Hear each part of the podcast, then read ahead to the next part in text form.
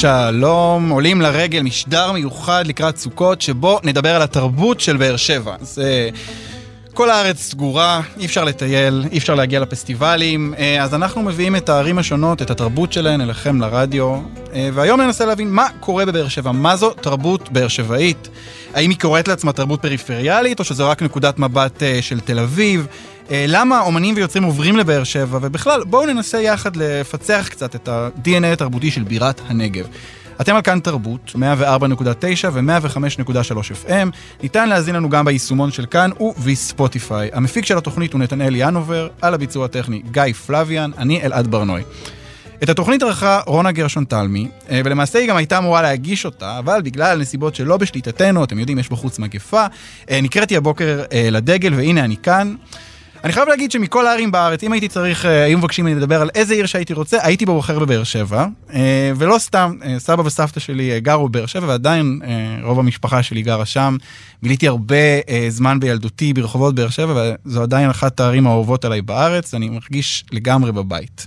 אז בואו נתחיל עם כמה פרטים טכניים על באר שבע. זה, כמו שאתם יודעים, זו עיר במחוז הדרום, אה, היא העיר השמינית באוכלוסייתה במדינת ישראל, והשנייה בשטחה, עיר ענקית, אה, יש לי, שטח השיפוט שלה הוא 117,500 דונם, זו עיר באמת ענקית, היא הוכרזה כעיר בשנת 1906, אה, היא מכונה בירת הנגב והדרום, כידוע, בשל היותה העיר המרכזית והגדולה ביותר באזור. אה, לא מעט אה, אומנים צמחו בבאר שבע, אנחנו פה לדבר על תרבות הרי, אז אה, יהודית רביץ, אמיר בניון, דקלה, חביבה פדיה, אביתר ואורנה ומאיר בנאי, רוני דלומי, אגם בוחבוט, דני קושמאו, רינה מצליח, צביקה הדר. יש רשימה די ארוכה של אומנים ואנשי תרבות שגדלו שם, אבל יש גם הרבה אומנים שעברו לשם ממקומות אחרים, שהיגרו לבאר שבע בשנים האחרונות מתוך איזושהי בחירה או איזושהי מחשבה. אה, אחד האנשים האלה הוא איתי פרל, שהוא אה, זמר, פזמונאי, מלחין, אה, הוא גדל בצפת בכלל, והיום הוא חי בבאר שבע, והוא איתנו על הקו. שלום איתי. שלום, בוקר טוב. אהלן. אז, אז בוא, בוא תספר לנו uh, בתור התחלה, מה, מה משך אותך לבאר שבע? איך הגעת מצפת עד באר שבע? אז קודם כל, כמו רוב אנשי צפת, או הפריפריה בכלל, כשמסיימים את הצבא, עוברים למרכז, כאילו זה מה, מה שקורה, כאילו צריך להיות, מש, צריך להיות משהו יוצא דופן שיקרה כדי שלא תעשה את זה. אוקיי. ו... ואחרי 12 שנים בתל אביב, בלב תל אביב, אה, חשבתי וחיפשתי אלטרנטיבה, וכזמר בהופעות יצא לי להסתובב המון המון בארץ. אה, והכרתי את באר שבע ממש מעט דרך העיניים של כמה מוזיקאים מקסימים שאני מכיר פה. אני אה, מדבר על אה, דודו חמד, דוד פרץ, נדב אזולאי, אה, שמות כאלה. שאותם הכרת לפני שעברת, הכוונה. שהכרתי קצת לפני, שלום שלום, וזה הקסים אותי, כאילו, אז אמרתי, יום אחד אני אגור שם, וכשנמאס לי מתל אביב סופית, אמרתי, יאללה, אני בא לפה לנסות. אבל אתה אומר, אבל זה... אני כבר שמונה שנים פה.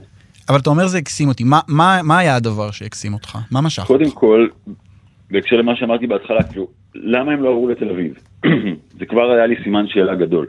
כי הם, הם, הם, הם לא, אה, כלומר הם נשארו, הם גדלו שם ונשארו כן, שם. כן, גדלו שם ונשארו, רגע, אז, אז זה לא מה שאני מכיר, אני מכיר שכולם מסיימים את הצבא ועוברים לתל אביב, מה, למה הם נשארו? ואז קלטתי ש, שקורה פה משהו מדהים, אמ, לא רק שהוקסמתי מהם אישית ומוזיקלית, כאילו אמרתי, טוב, זו חבורה באמת של אנשים יוצאי דופן, כאילו. דבר שני זה שכל העשייה שלהם היא באיזה מקום קטן יחסית. באר שבע כאילו, היא לא קטנה, שנייה בגודלה בשטח, אבל זה מקום שהוא קהילתי כזה, לא יודע. אני, אני הכרתי את, ה, את העשייה המוזיקלית רק בתוך סבך, סבך תל אביבי כזה, ופתאום יש אפשר לעשות מוזיקה וגם ללכת בשישי לחיים אצל אימא, וגם כאילו לשבת בערב, כאילו, יש איזה מין אווירה נינוחה פה בעיר, ש... שאמרתי, וואו, ליצור, ליצור ככה, ולא ב... בסטרס התל אביבי. אתה, אני חושב על השיר שלך, אפילו לא אני. אה, אתה אומר שם, אה, אין לי מקום לקרוא לו בית. היום בבאר שבע אתה מרגיש בבית? אה, יש מצב, כן, השיר באמת דיבר על ניכור, והעיר הגדולה, למרות שאהבתי אותה מאוד, בסופו של דבר היא לא, לא נתנה לי את התחושה הזאת של בית, ובאר שבע עושה את זה מהר מאוד. והיחס נגיד אה, מצד אה, אנשים שגדלו שם אליך הוא של, אה, של מהגר, של דמות חיצונית? כן, אבל זה כבר הולך ומשתנה מכל מיני סיבות. מה הכוונה? קודם כל הפזם שלי כבר גדל, מפה לשם. מפה לשם. דבר שני, לפני שש שנים, כאילו אחרי שנתיים בעיר, כאילו היה משהו שהיה חסר לי מפלורנטין לבאר שבע במעבר, וזה הבר השכונתי. Mm. אה, איכשהו תרבות הבילוי פה בדרום, או אה, בעיר, הייתה בעיקר מבוססת על אה, מועדונים, או דברים גדולים, או דברים נוצצים, ו... ואשכרה, וגם במיוחד בשכונה שגרתי בה, שאני עדיין גר בה, לא היה את הבר השכונתי, את המקום השקט הזה שאין בו הופעות ואין בו כלום, וזה פשוט מקום שקט לשתות בירה, לא היה את זה. אז פתחתי אחד כזה. Mm. לפני שש שנים. ו... זה, זה מה שנקרא הגלריה? לא, זה צמוד לגלריה, הגלריה היא פיתוח של זה. אה, אוקיי. נגיע לזה. אז, אז הבר הזה קצת הפך אותי לבאר שבעי, כי זה נוטע אותך במקום, כאילו, פתאום אתה, אתה מין, אתה המארח, אחרי שנים שאני נווד כאילו בארץ, פתאום אני המארח. זה קצת הופך אותי לבאר שבעי. אז, אה, אז, אז, אז, אז ההופעות שם זה, אתה מארח, אה, אני מתאר לעצמי שכרגע שום דבר לא קורה, הכל סגור, יש סגר בכל זאת, אבל ב, ב, בזמן שגרה אתה מארח שם אה, אומנים מקומיים? הבר עצמו הוא באמת, כמו שאמרתי לך בהתחלה, הוא בר שאין בו כלום, כקונספט, שבאמת היה חסר כזה דבר. צמוד אליו פשוט התפנה איזה חלל, ולפני אה, שנה ומשהו לקחתי אותו. הייתה שם אה, מתפרה שהתפנתה, ועכשיו אני עושה שם גלריה לאומנות מקומית, כן? למרות שגם אירחתי אומנים מחוץ לבאר שבע, אין לי עיקרון בהכרח לארח אומנים מקומיים, רק אני מעדיף, כמו, כמו שאתה מעדיף להכיר את החקלאי שגידל לך את הגזר, אז אני רוצה להכיר את האומן שתולה את התמונות. כן. אז מגיעים כל מיני אומנים ופעם בחודש מתחלפת תערוכה ו- והחוויה היא כאילו זה צמוד לבר, אז אפשר כאילו, ל- ל- יש לשם פשוט עם הבירה ביד ולחוות את זה. Uh, זו שאלה קצת טריקית, אבל um. יש דבר כזה בעיניך um, תרבות באר שבעית? יש לה מאפיינים משלה? Um, אני לא בטוח, אני לא, אני לא חושב, אני לא יודע, כאילו. כאילו, אם אתה עושה את זה רטרואקטיבית, לוקח את כל האומנים הבאר שבעים ומנסה לחפש חוץ מקשר ביניהם, אולי תמצא, אני לא יודע, אבל אני לא מרגיש שיש איזה אג'נדה שמובילה את, התרבות פה. לא, זה אנשים. כן. זה בני אדם. זה מעניין כי אה, לפני התוכנית אז אה, הסתכלתי כזה על כל מיני שירים אה, על באר שבע, כלומר שירים ששם באר שבע או המילה, המילים באר שבע מופיעה בהם. ו, ו, ומנגד שירים של אה, אומנים באר שבעים, חלקם הזכרתי מקודם, אה, אה, ובאמת האומנים הבאר שבעים, רובם לפחות, לא, בכלל לא מזכירים את באר שבע בשירים, פשוט שרים, והשירים על באר שבע, הם, הם נורא מדברים על, ה, על החום ועל המדבר ועל... ויש כן. איזושהי תפיסה בעיניי קצת מנותקת כזו של באר שבע כאיזה מקום, כאיזה פאטה מורגנה כמעט, כאילו נכון. איזה נווה מדבר כזה, ויש איזו תפיסה קצת רומנטית של הדבר הזה. אני קצת חטאתי בזה בעצמי. יש לי איזה אלבום uh, מ-2011, קצת נבואי, ש... ששר, אני שר שם כשאני יורד דרומה, שאני עובר לגור בדרום. וזה היה לפני, שנתיים לפני שעברתי לפה.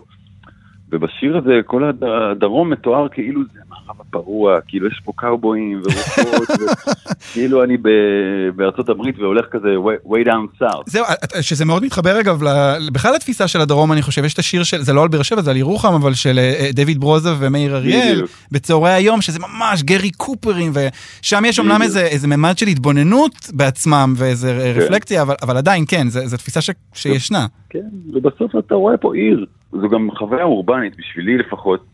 כשעברתי לדרום לא רציתי בהכרח לגור על איזה גבעה חולית אה, מוקף אה, שממה, אני, אני עדיין איש של אנשים. ו, ואני שמח שמצאתי את עצמי בבאר שבע שהיא בדיוק בגודל הזה שהוא מספיק מעניין, יש פה המון מוזיקאים, רק בשכונה שלי יש חמישה אולפני הקלטות. וואו. אבל, אבל זה גם קהילתי וקטן. אז, אז זהו, אני רוצה לשאול אותך, דיברת על אולפנים, אתה יכול לסמן כמה תחנות תרבותיות בעיר? מקומות כאלה שיש להם איזושהי חשיבות לסצנה? ברור. אז קודם כל, הרבה לפני שעברתי לפה, יש את עשן הזמן, מי שמכיר או לא. כן. שזה חנות ספרים, מועדון הופעות, קיים כבר קצת יותר מעשור. כבר נחשב למוסד באר שבעי כזה, אני חושב. ממש, כן. ממש, כי מכירים, באים אליו להופיע מכל הארץ, ולצערי עכשיו אין את זה, אבל אמ, ככה זה. כן. אה, ויש פה אולפן הקלטות לא יאמן, שנקרא קקטוס, בעלות של גיל נמט ונדב אזולאי, שבאמת אחרי שנים בתעשיית המוזיקה בתל אביב, הייתי בשוק שראיתי את זה. כאילו מין מגרש משחקים ענק ש... שיש בו המון זמן, בעיקר העניין של הזמן. כאילו בתל אביב אתה נכנס לאולפן, יש לך שעון מתקתק מעל הראש שלך, ואתה חייב לצאת, וכבר להקה עומדת בצד עם הציוד ומחכה שתתפנה. ופה יש איזו עשייה מאוד מאוד אחרת, כאילו, אפשר להיכנס לאולפן ולהרהר. זה מדהים, אין, אין דברים כאלה. בכלל, יש משהו באיך שאתה מתאר, שנשמע שהדברים קצת יותר באמת אה, נינוחים, יש יותר זמן, אה, רגועים אה, קצת. כן, יכול להיות שזו גם החלטה שלקחתי יחד עם המעבר, לא בטוח שכל מי שיעבור לבאר שבע ירגיש את זה. כן. אבל, וגם יש פה המון אנשים לחוצים סביבי, זה גם, אתה יודע. גם אני לפעמים נלחץ. כן, כן, טוב, זה, זה זמנים קשים לא להילחץ. אמ, אנחנו, אנחנו צריכים לסיים, אבל אני רוצה לשאול אותך שאלה אמ, אה, אה, אחרונה. אתה, אתה רואה את עצמך אמ, נשאר בבאר שבע, יוצר, ממשיך את דרכך שם, פשוט? בינתיים זה מרגיש לי שאין סיבה להפסיק את הפרק הזה בחיי. יכול, כאילו, גם לא האמנתי שאי פעם אני אעזוב את תל אביב, כי היא הייתה לי ממש נוחה. אבל אני מבין שהחיים הם גם עשויים כנראה מפרקים ויכול להיות שישתנה משהו ואני אעזוב את העיר, את הארץ, את לא יודע מה. כרגע זה לא נראה באופק בכלל. נעים לי פה, נוח לי פה. כל הדברים שצעקתי עליהם ברוטשילד ב-2011 במחאה, קיבלתי פה. דיור בר השגה, אין לי בעיות חנייה. השלטונות פה המקומיים מאוד אה, נחמדים וקשובים אלינו, ו... אוקיי, טוב, נשמע טוב, ואני מקווה שקהל המאזינים התל אביבי שלנו אה, אה, אה, רושם. תודה רבה, איתי פרל, מוזיקאי, יוצר, אנחנו עכשיו נשמע את אפילו לא אני שלך. יאללה. תודה רבה. ביי ביי.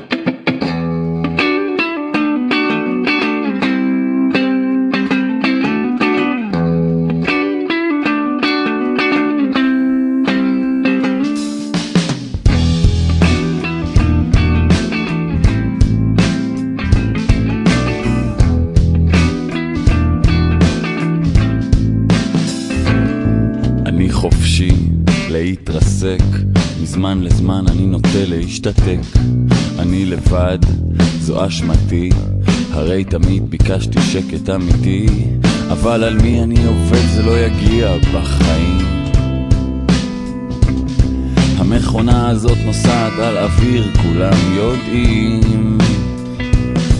כמו ביום ההוא בצד הלא נכון של תל אביב. אף אחד לא הכיר אותי בעיר הזאת, אפילו לא אני.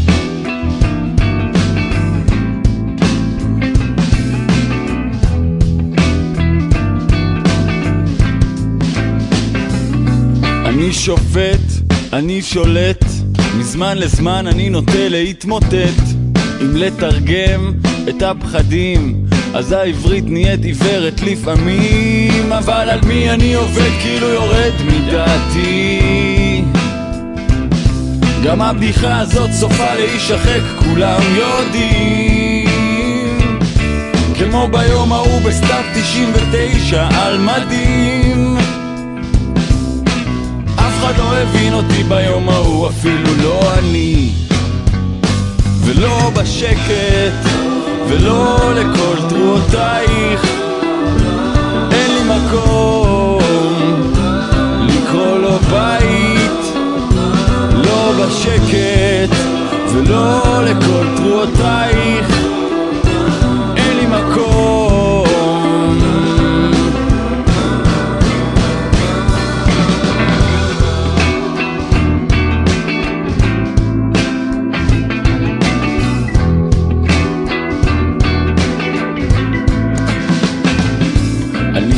כאן, זה תורשתי, ואף חלום אינו רודף עוד את שנתי.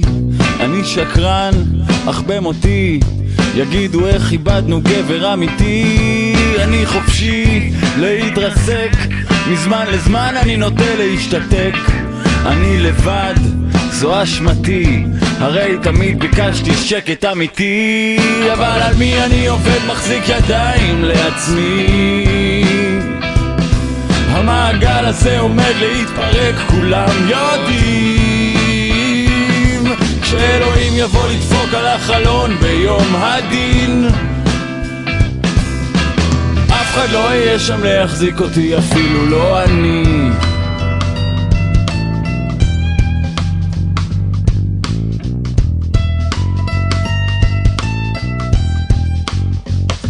ולא בשקט, ולא לכל תרועותייך, אין לי מקום לקרוא לו בית, לא בשקט, ולא לכל תרועותייך,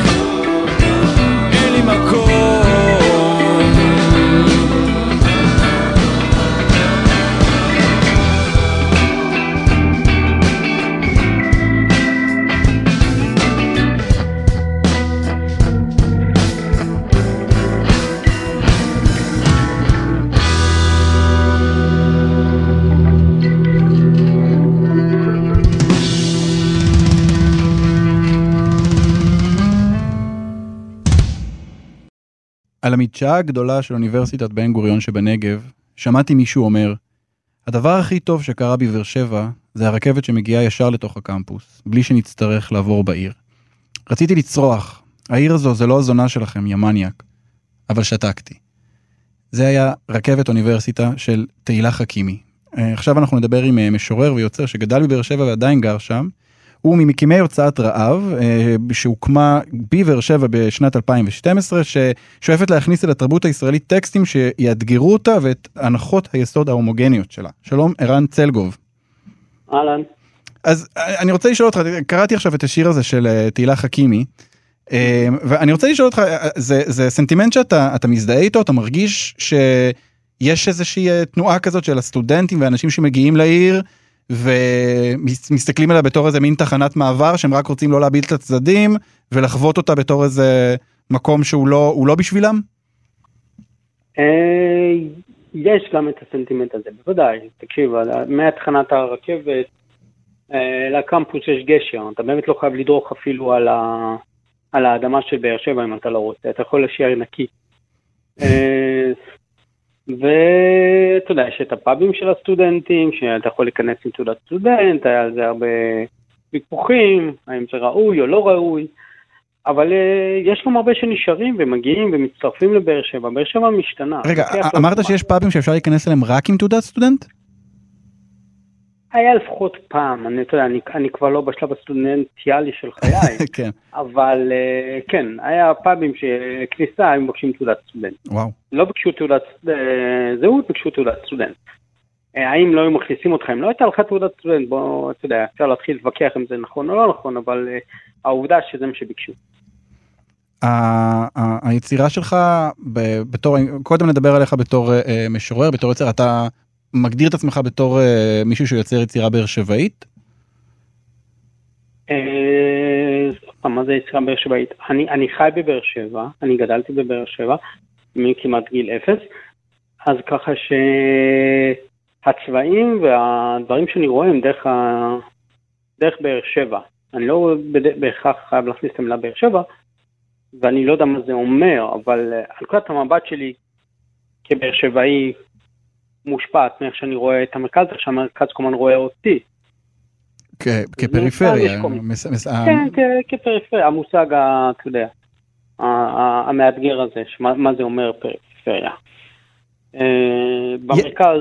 יש משהו באמת כן. משונה לי בלהסתכל על עיר אה, בסדר גודל של באר שבע, עיר ענקית אה, ועם מלא תושבים ולחשוב עליה בתור פריפריה של המרכז.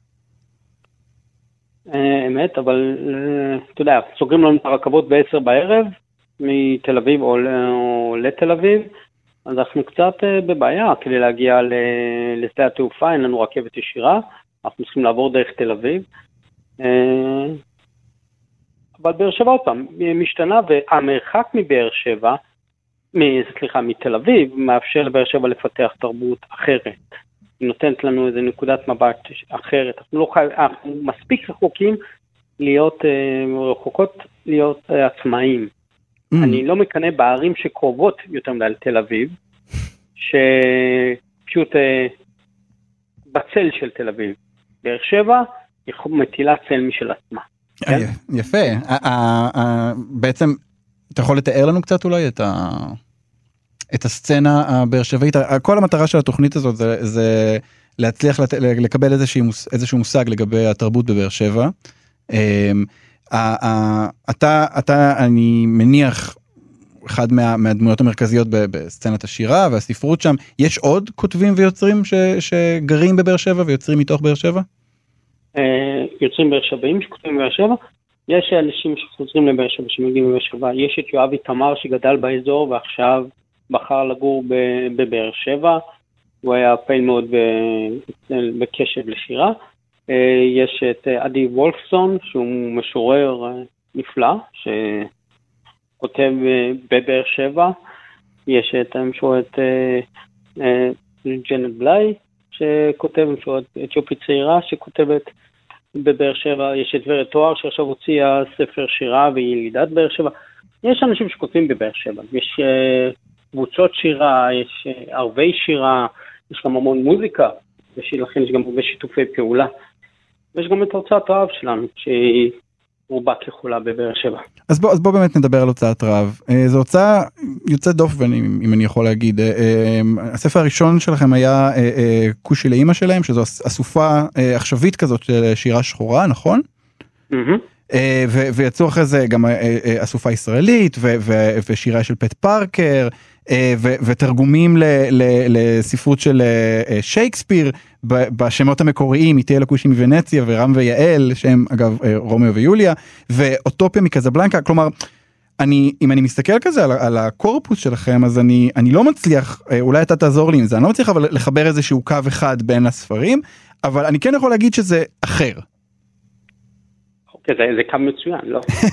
כן. זה התחלה מצוינת אה, אז כמו שאמרת, באמת ההוצאה שואפת לאתגר מה נכון ומה לא נכון, מה זו שירה, מה זו לא שירה, מה זו ספרות, אה, ויש לנו כמה סדרות. אחת זה סדרת התרגום שהתחילה עם הספר כושי לאמא שלהם, ועם פט פארקר בהמשך, ואז קריסבני, אה, ספרים שהודרו מהקאנון, מסיבות שאנחנו חושבים שהן לא ראויות, כמו המתרגם הראשון לעברית של שייקספיר, שבגלל שהוא התנצר, אנחנו מכירים אותו רק כקוריוז, אבל בלעדיו לא היינו מדברים אתה ואני בעברית, כי הוא הצליח לתת לנו מונולוגים דרמטיים בעברית, או מכלוף אביטן, שהוא היה פילוסוף יהודי מרוקני, שנדחף לשולי הנגב ונעלם מדפי ההיסטוריה.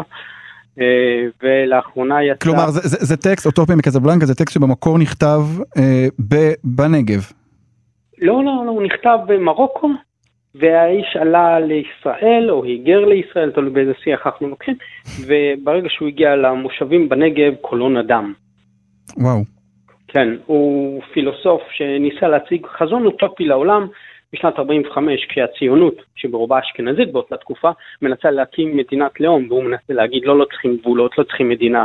זה לא התזמון הנכון, לא הזמן הנכון להציע הצעות כאלה. אז, אז בעצם ה... זה, זה מייצר קו מעניין אגב בין אה, אה, קזבלנקה ל, אה, לנגב, קזבלנקה דווקא זו כזו עיר, אה, זה כזה מטרופולין, ו, ו, וזה שהוא הגיע דווקא ל, ל, ל, למושבים אתה מתאר, אה, זה מעבר קצת שובר לב אני חייב להגיד. כן, ההוצאה, אני חושב זה אחד, הת... כלומר זה אחת ההוצאות ש... שהיחידות בעברית, בעברית שאולי אה, מוציאות אה, טקסטים אה, אפרו-אמריקאים, טקסטים של מחאה, שירי מחאה. אה, פט פארקר למשל היא אה, משוררת באמת אה, פואטת כזאת.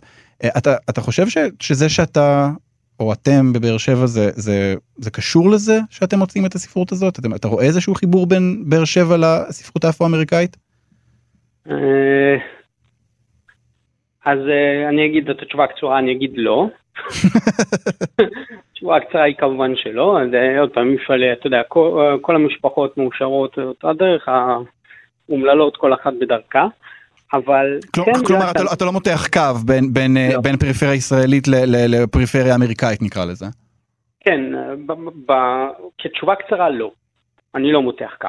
תשובה המורכבת יותר היא שאם אני מנסה להסתכל, אתה יודע, לעשות רטרוספקטיבה של מה שאנחנו מנסים לעשות ברעב, ואיך אנחנו עובדים, דיברנו קודם על המרחק מהמטרופולין הגדול תל אביב והצל שהוא מטיל על התרבות הישראלית, אז אני חושב שהשוליות אולי, או התפיסה של העניין הזה, מהי שוליות, אולי כן משפיעה על הבחירה של הטקסטים שאנחנו בוחרים. לכן הם מעניינים אותנו, לכן הם מדברים אלינו כאורחות ואורחים ברעב, ולכן אנחנו נמשכים לטקסטים האלה. אה, כי... כן, אמרת מקודם אתה, אתה חוזר לעניין של, אה, אה, של הצל אולי שמגיע מ, אה, אה, אה, מ- מהמרכז מתל אביב ואתה מדבר על הצל שאתם אה, אה, מטילים בעצמכם כלומר שהתרבות הבאר שבעית יוצרת כבר איזה משהו משל עצמה. אם נגיד היית צריך לשרטט את קווי המתאר שלו לתאר לי מה מה מייחד אותו מסצנות תרבות אחרות איך היית בכל זאת עושה את זה. אז זו שאלה גדולה מדי. השאלה גדולה מדי, אתה יודע, אני גם מסתכל, כאילו אני נמצא בתוך זה, אז כאילו, זה גם להיות מאוד אה, נועז וישר לטעות, וגם אני חושב שזו שאלה גדולה מדי. זו תרבות של התנגדות. בעיניך אני אשאל אותך דבר כזה. זו תרבות ש, שמציעה משהו אחר, זה כמו שאמרת, אתה הצגת את הוצאת רעב בתור אה, הוצאה אחרת. אנחנו מגדירים את עצמנו כהוצאה שהיא לא ללא מטרות הפסד, זה המטרה שלנו, לא, כן? אנחנו לא רוצים להפסיד כסף על הספרים שאנחנו מוציאים, אנחנו מוציאים ספרים שמעניינים אותנו ואנחנו קוראים אותם במחיר נמוך כדי שאנשים יקראו וזה מעניין אותנו, לראות את התגובות של האנשים, לשמוע, לנהל שיח על, על השירה או על הטקסטים שאנחנו מביאים לאנשים, שהרבה פעמים פותחים להם את הראש בצורה חדשה, שהם הופתעו. אז לקרוא לזה התנגדות זה יומרני אולי, אבל כן יש פה איזה חיכוך נגד הכיוון, ה, אתה יודע, הנינוח שהספרות הולכת בה. כן. אמ, מקודם אה, דיברתי עם איתי פרל ו- ודיברנו על זה שהוא הוא עבר ב- לבאר שבע בשנים האחרונות לפני שמונה שנים ודיברנו על זה שהרבה יצירה שמתייחסת לדרום אה, ודווקא מגיעה מהמרכז מתארת את, אה, את באר שבע כאיזה מין מדבר כזה קצת כמו איזה. כמו הדרום האמריקאי, אתה יודע, קאובויים, ו- ואיזה מין תפיסה קצת רומנטית של הדבר הזה. עכשיו אנחנו צריכים ממש לקראת סיום, אבל אני רוצה לשאול אותך אם, אם, אם יש משהו ב, ב, מתוך, מתוך ההסתכלות שלך, אתה מסתכל על, יצ- על טקסטים ויצירות על באר שבע, מה, מה אתה רואה? אתה מזהה את הדבר הזה? אה, מי שלא מכיר, יכתוב ככה על באר שבע. בוודאי, אתה יודע, זה הספר, זה הרחוק, כן? האורות הרחוקים של באר שבע, ואתה צריך לעבור דרך המדבר כדי להגיע. מי שגר בבאר שבע כבר רואה דברים אחרים, אתה יודע. אתה יכול לשים לב גם אה, לגוונים האחרים. אה, פתאום שלחול יש כמה גוונים, לא רק חול צהוב, כמו שרוצים לצייר אותו כשאתה לא מכיר. ואתה רואה, שומע צלילים חדשים, אתה, אתה מוצא את הקסם גם במה שיש, למרות שהשמש עובדת קשה מאוד בבאר שבע לגרום לכל דבר צבעוני לדהות מהר מאוד. אני מבין. אה, אוקיי, בסדר גמור. אני- אה, ערן, אני רוצה להגיד לך תודה רבה. אה, אני מקווה שההוצאה, אני מניח שעכשיו אה, זה לא התקופה הכי טובה, אני מקווה שהתקופה הזאת תיגמר ושתחזרו לפעילות וליצור ושכולנו נצא מהדבר הזה כמה שיותר מהר. תודה רבה.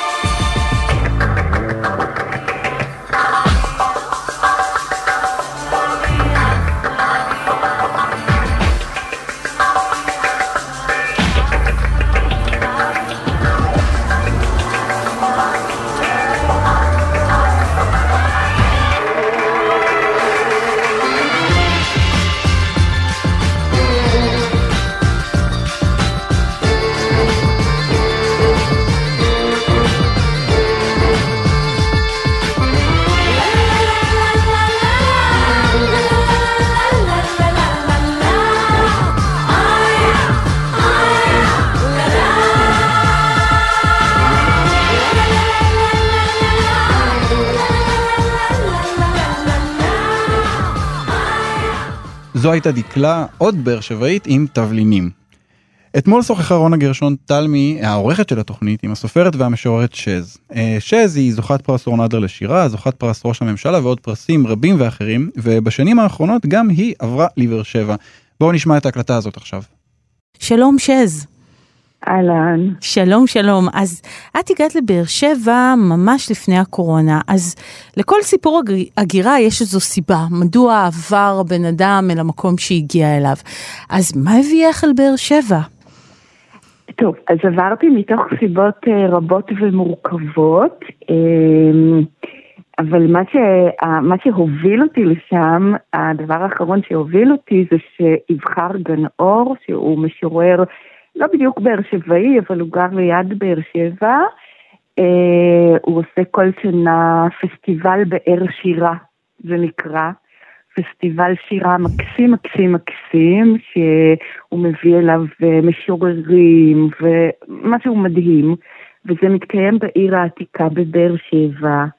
ולפני שנה הוא הזמין אותי להשתתף, לקרוא שירים, ואז נפגשתי עם עוד משוררת באר שבעית, גם היא לא בדיוק מבאר שבע ליד, ורד טוהר, שהיא גם אה, מרצה לספרות בבר אילן.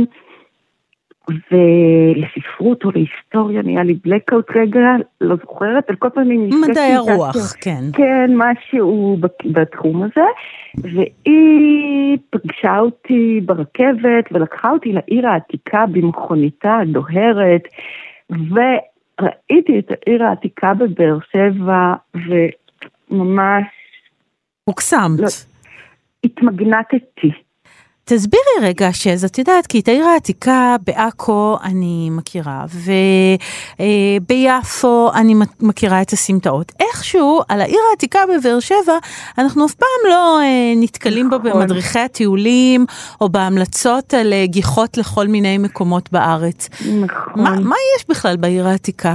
אני לא יודעת מה יש, האמת היא שהגעתי בדיוק לפני הקורונה, אז הרבה לא ראיתי, אבל אני יודעת שקסם לי, קסמה לי האווירה, אני יודעת שהגעתי, היא הסתובבה איתי שם בין חורבות, ורד הסתובבה איתי בין חורבות כאלה, ואז היא אמרה לי, את יודעת, הבתים האלה עם שערי המתכת, אה, את יודעת שבפנים זה בעצם בתים ערבים ישנים, ובפנים יש אה, בתים עם חצרות פנימיות.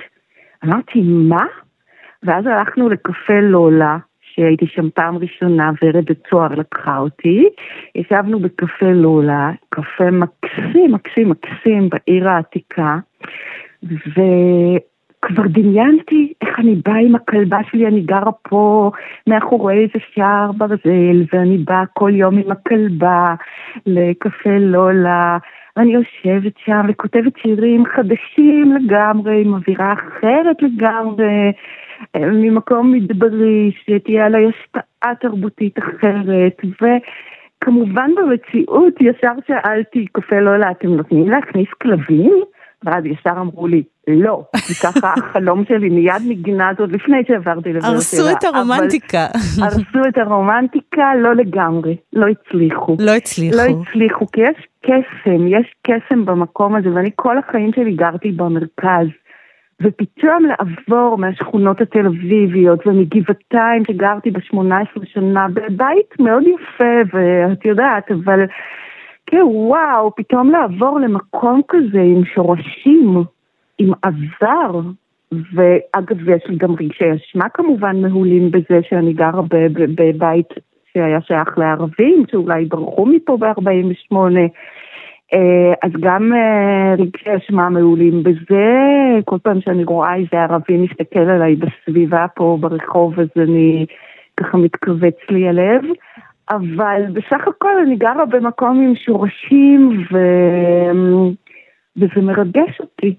אז תשמעי, זה באמת סיפור מאוד מרגש, ואת את באמת גרה בעיר העתיקה, זאת אומרת, מצאת כן. את אחד מהבתים האלה עם החצרות מצאתי. שהיא דיברה עליהם? כן, זה אולי עוד לא לגמרי בית חלומותיי, כי אין פה ממש חצר, את החצר הפנימית אה, הפכו למין מסדרון כזה יותר, ו... אבל אני עוד בטח אעבור, אבל אני גרה במין מקום כזה, שזה מין מתחם מגורים כזה, שיש בו כמה וכמה וכמה דירות. עם, אה, את יודעת, תקרה גבוהה, חלונות גבוהים, אה, אז, יש אווירה. אז, אז דיברת על השראה, וזה מאוד מעניין שאז, כי באמת עברת אה, רק בחודשים האחרונים, ואולי אני ככה קצת מקדימה את המאוחר, אבל יש כוונות.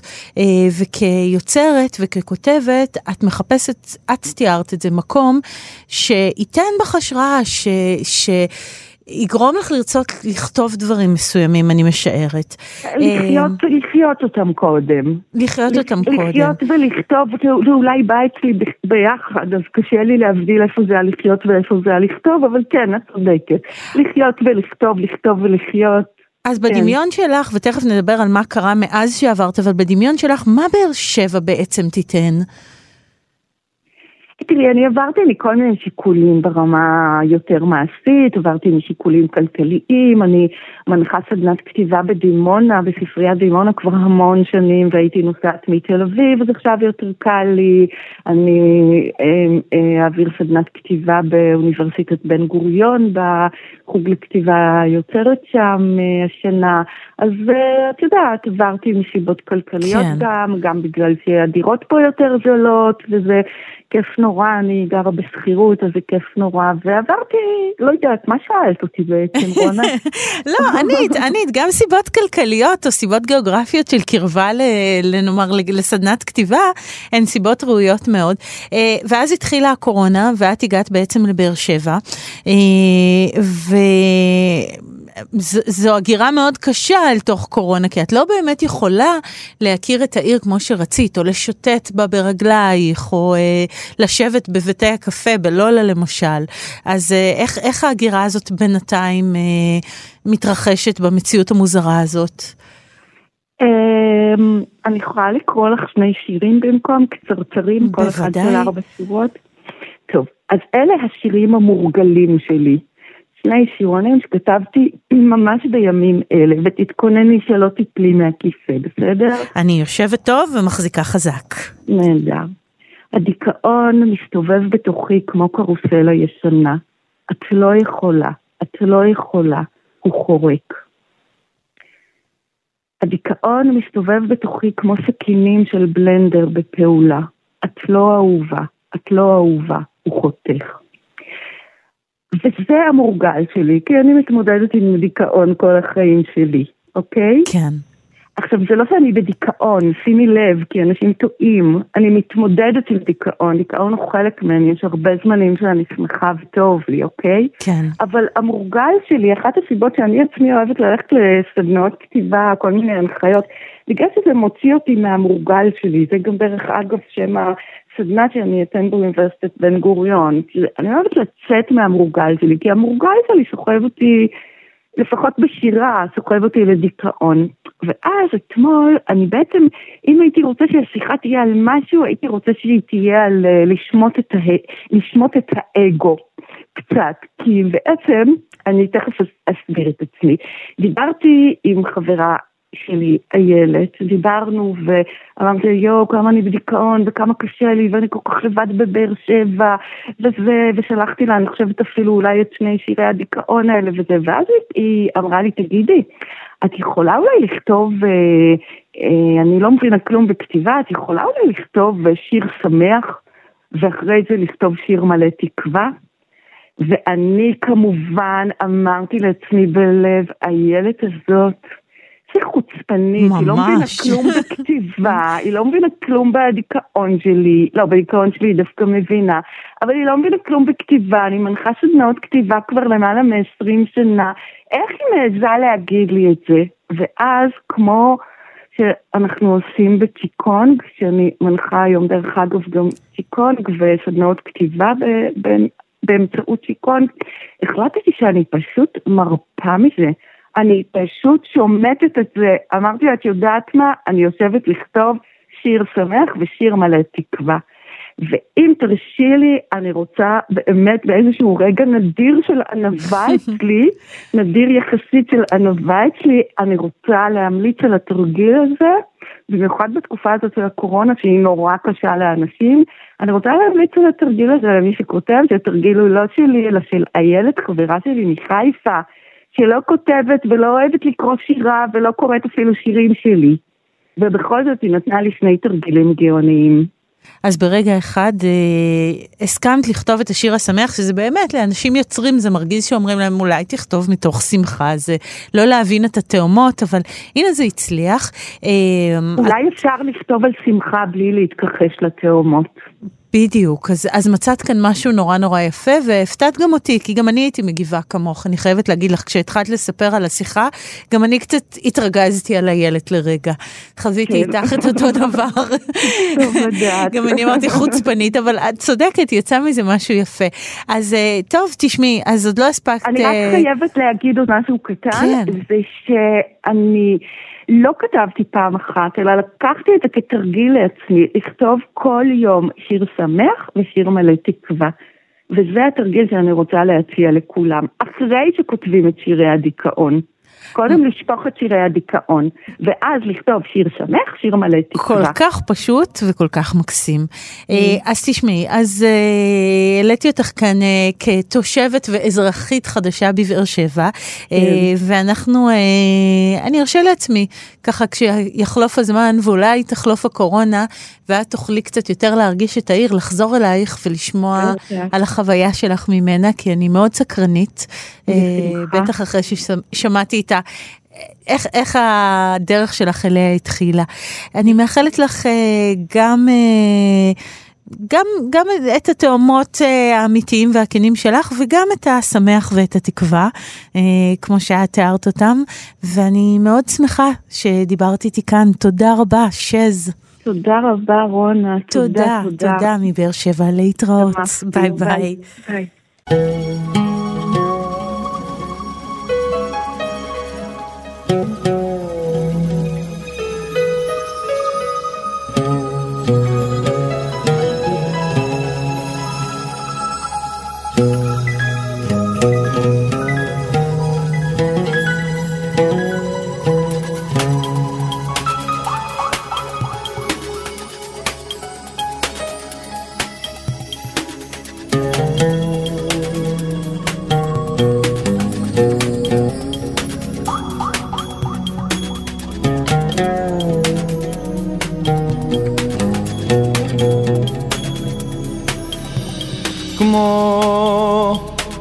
מטורף אחרייך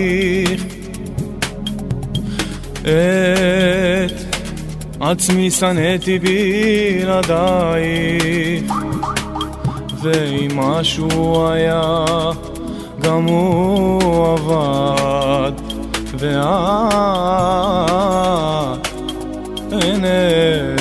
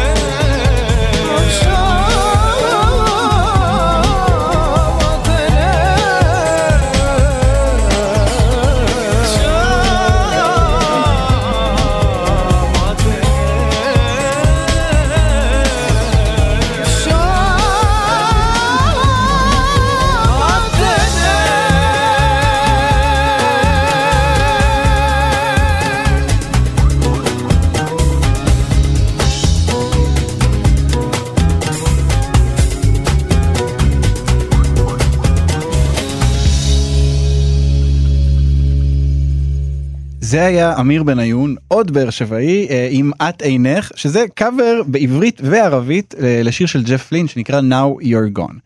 אה, אנחנו עכשיו נדבר על, אה, על מקום או, או קבוצה או ארגון, אנחנו תכף ננסה להבין בדיוק מה זה, שנקרא הומה.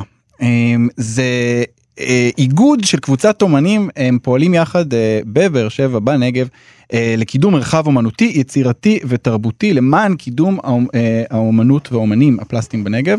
אה, ואיתנו על הקו אחד ממייסדי הומה, אה, יוגב ואנונו. שלום יוגב. שלום, אהלן. היי, אז אמרתי נכון, איפה פישלתי? בוא תתקן אותי. אה, לא פישלת, אמרת את זה בצורה נכונה אה, ומדויקת, אבל אני אספר קצת על, אה, על הומה, על הרעיון, אפשר? בטח, בטח. אז ככה, אה, הרעיון של אה, הומה התחיל מלפני כשמונה שנים. אה, אנחנו כקבוצה של אמנים צעירים בנגב, חלקנו במהלך לימודי האומנות שלנו, החלטנו שאנחנו באמת חושבים להתאגד ולנסות לייצר סצנה אומנותית חיה ובועטת בעיר באר שבע. אה, זה קרה לפני שמונה שנים שהתחלנו את התהליך בתור אה, משוגעים, משוגעים לדבר. אה, ככה לא ידעו איך לאכול אותנו בהתחלה בעירייה. וככה עם הזמן, גם אנחנו התבגרנו וגם העירייה הבינה שאנחנו פועלים ממש אך ורק למען האומנות ולטובת העיר באר שבע. ולפני כשנתיים וחצי הקמנו את הומה. אה, שהומה, ה'-ו'-מ'-א', זה בעצם, אה, בעצם בית ל- ליוצרים אה, ומקום שיכול לתת מענה לאספקטים תרבותיים פה בעיר באר שבע. זהו, התפיסה הרעיונית שלנו, כמו שאמרתי, שאנחנו שואפים לייצר מרחב ליצירה, ולתת ליווי ותמיכה ליוזמות אה, אה, של אומנים ושל אה, תושבים אה, פעילים בקהילות בעיר באר שבע. וההתמחות שלכם היא אומנות פלסטית, נכון? נכון, אנחנו מורכבים מקבוצה של אמנים פלסטיים, שאנחנו חיים את העיר, ומסביבנו חברים שהם מוזיקאים ואנשי תיאטרון ומחול, ושיתופי הפעולה באמת פורים.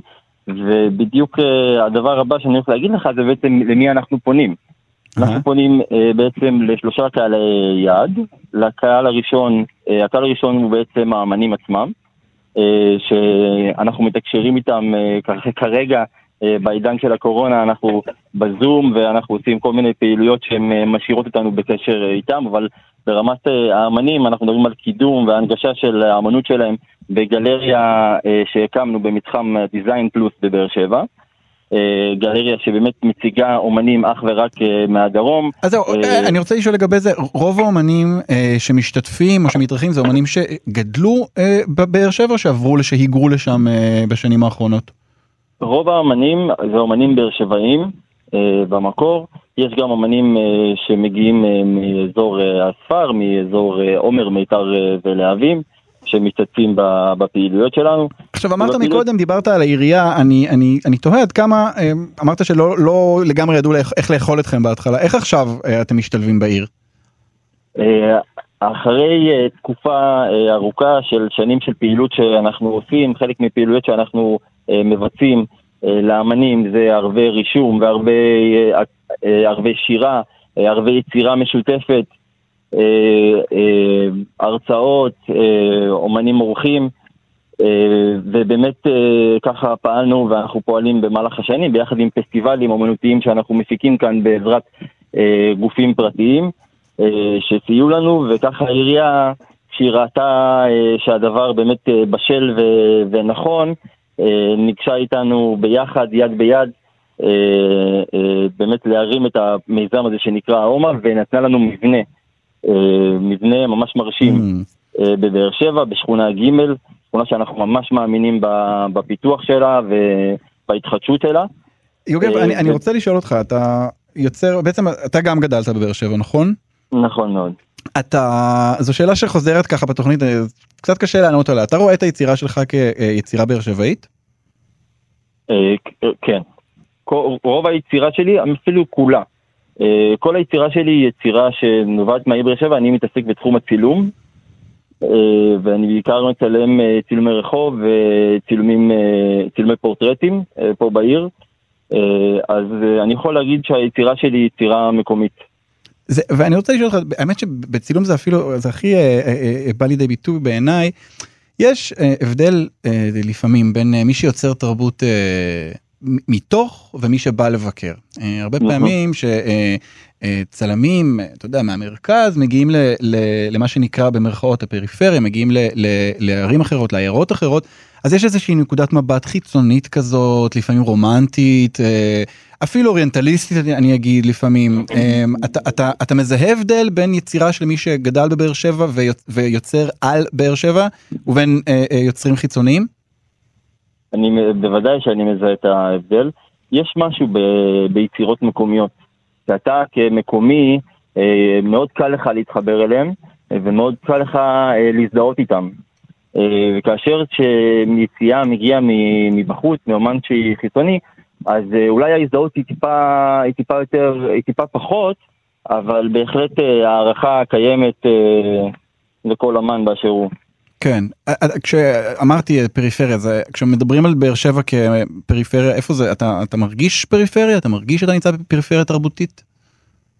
אה, בחלקים מסוימים אני כן מרגיש כפריפריה תרבותית, דווקא בכל מה שקשור לקידום של אמנות הפלסטית בעיר באר שבע, שזה כרוך בגלריות, placemaking בעיר אה, ועוד, ועוד דברים בנושא הזה, שבאמת אני חושב שאנחנו צריכים טיפה לתת את הגז אה, לכיוון הזה, ובאמת זו הסיבה שעמותת הומה קמה.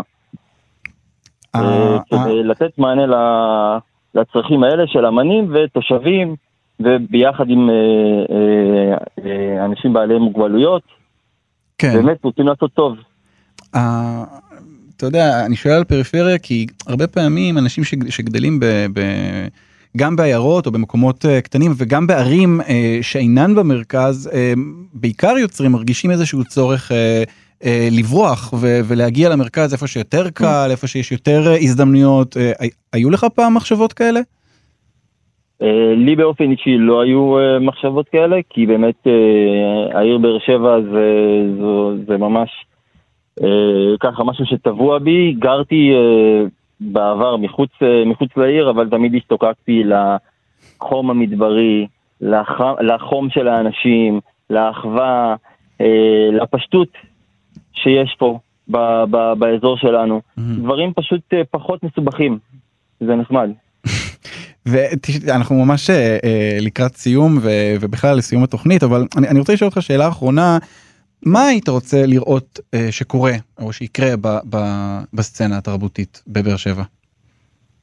אה, בסצנה התרבותית בבאר שבע הייתי רוצה שיקומו עוד אה, גלריות. הייתי רוצה לראות אה, תושבים מדברים עם אמנים שגרים לידם. הייתי רוצה לראות יצירה משותפת. הייתי רוצה לראות את חזות פני העיר משתנה ולאו דווקא בבניינים יפים. אה, טוב אנחנו נצטרף אה, לתקווה שלך אה, תודה רבה יוגב אה, מייסדי קהילת הומא שיהיה לך חג שמח תודה רבה, חג שמח לכולם. ביי להתראות. ביי ביי. וזהו, אנחנו סיימנו עולים לרגל, תוכנית מיוחדת על באר שבע לחג הסוכות. תודה לנתנאל ינובר שהפיק, תודה לגיא פלוויאן ולאלון מקלר על הביצוע הטכני, תודה לרונה גרשון תלמי שערכה את התוכנית, אני אלעד ברנוי, שיהיה לכולכן ולכולכם חג שמח, שבת שלום. נסיים עם יוסף מוסטקי, באר שבע עירי. ביי. את היית בדרכך לבאר שבע, אל עירו של אברהם תצעדי, כשרוחו של מדבר מנשר, את תהיי לעירי כעדי, וקולך שדורות לא נשמע, על ליבי התחנן בלי מילה, ועינייך שרה שוב דמה, על באר שבע שאינה תפילה.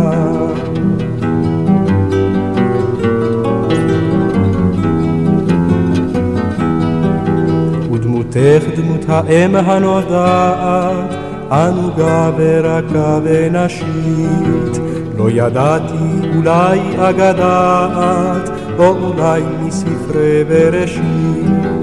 וקולך שדורות לא נשמע, על ליבי התחנן בלי מילה, ועינייך שרה שוב דמעו, על באר שבע סדינה תפילה.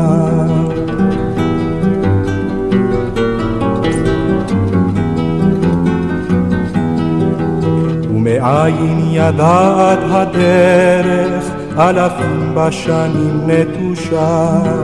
זה אישך אברהם הקורא לך, לברך את עירי בלחישה. וקולך שדורות לא נשמע, על ליבי התחנן בלי מילה, ועינייך שרה שוב דמעו, על באר שבע שאינה תפילה.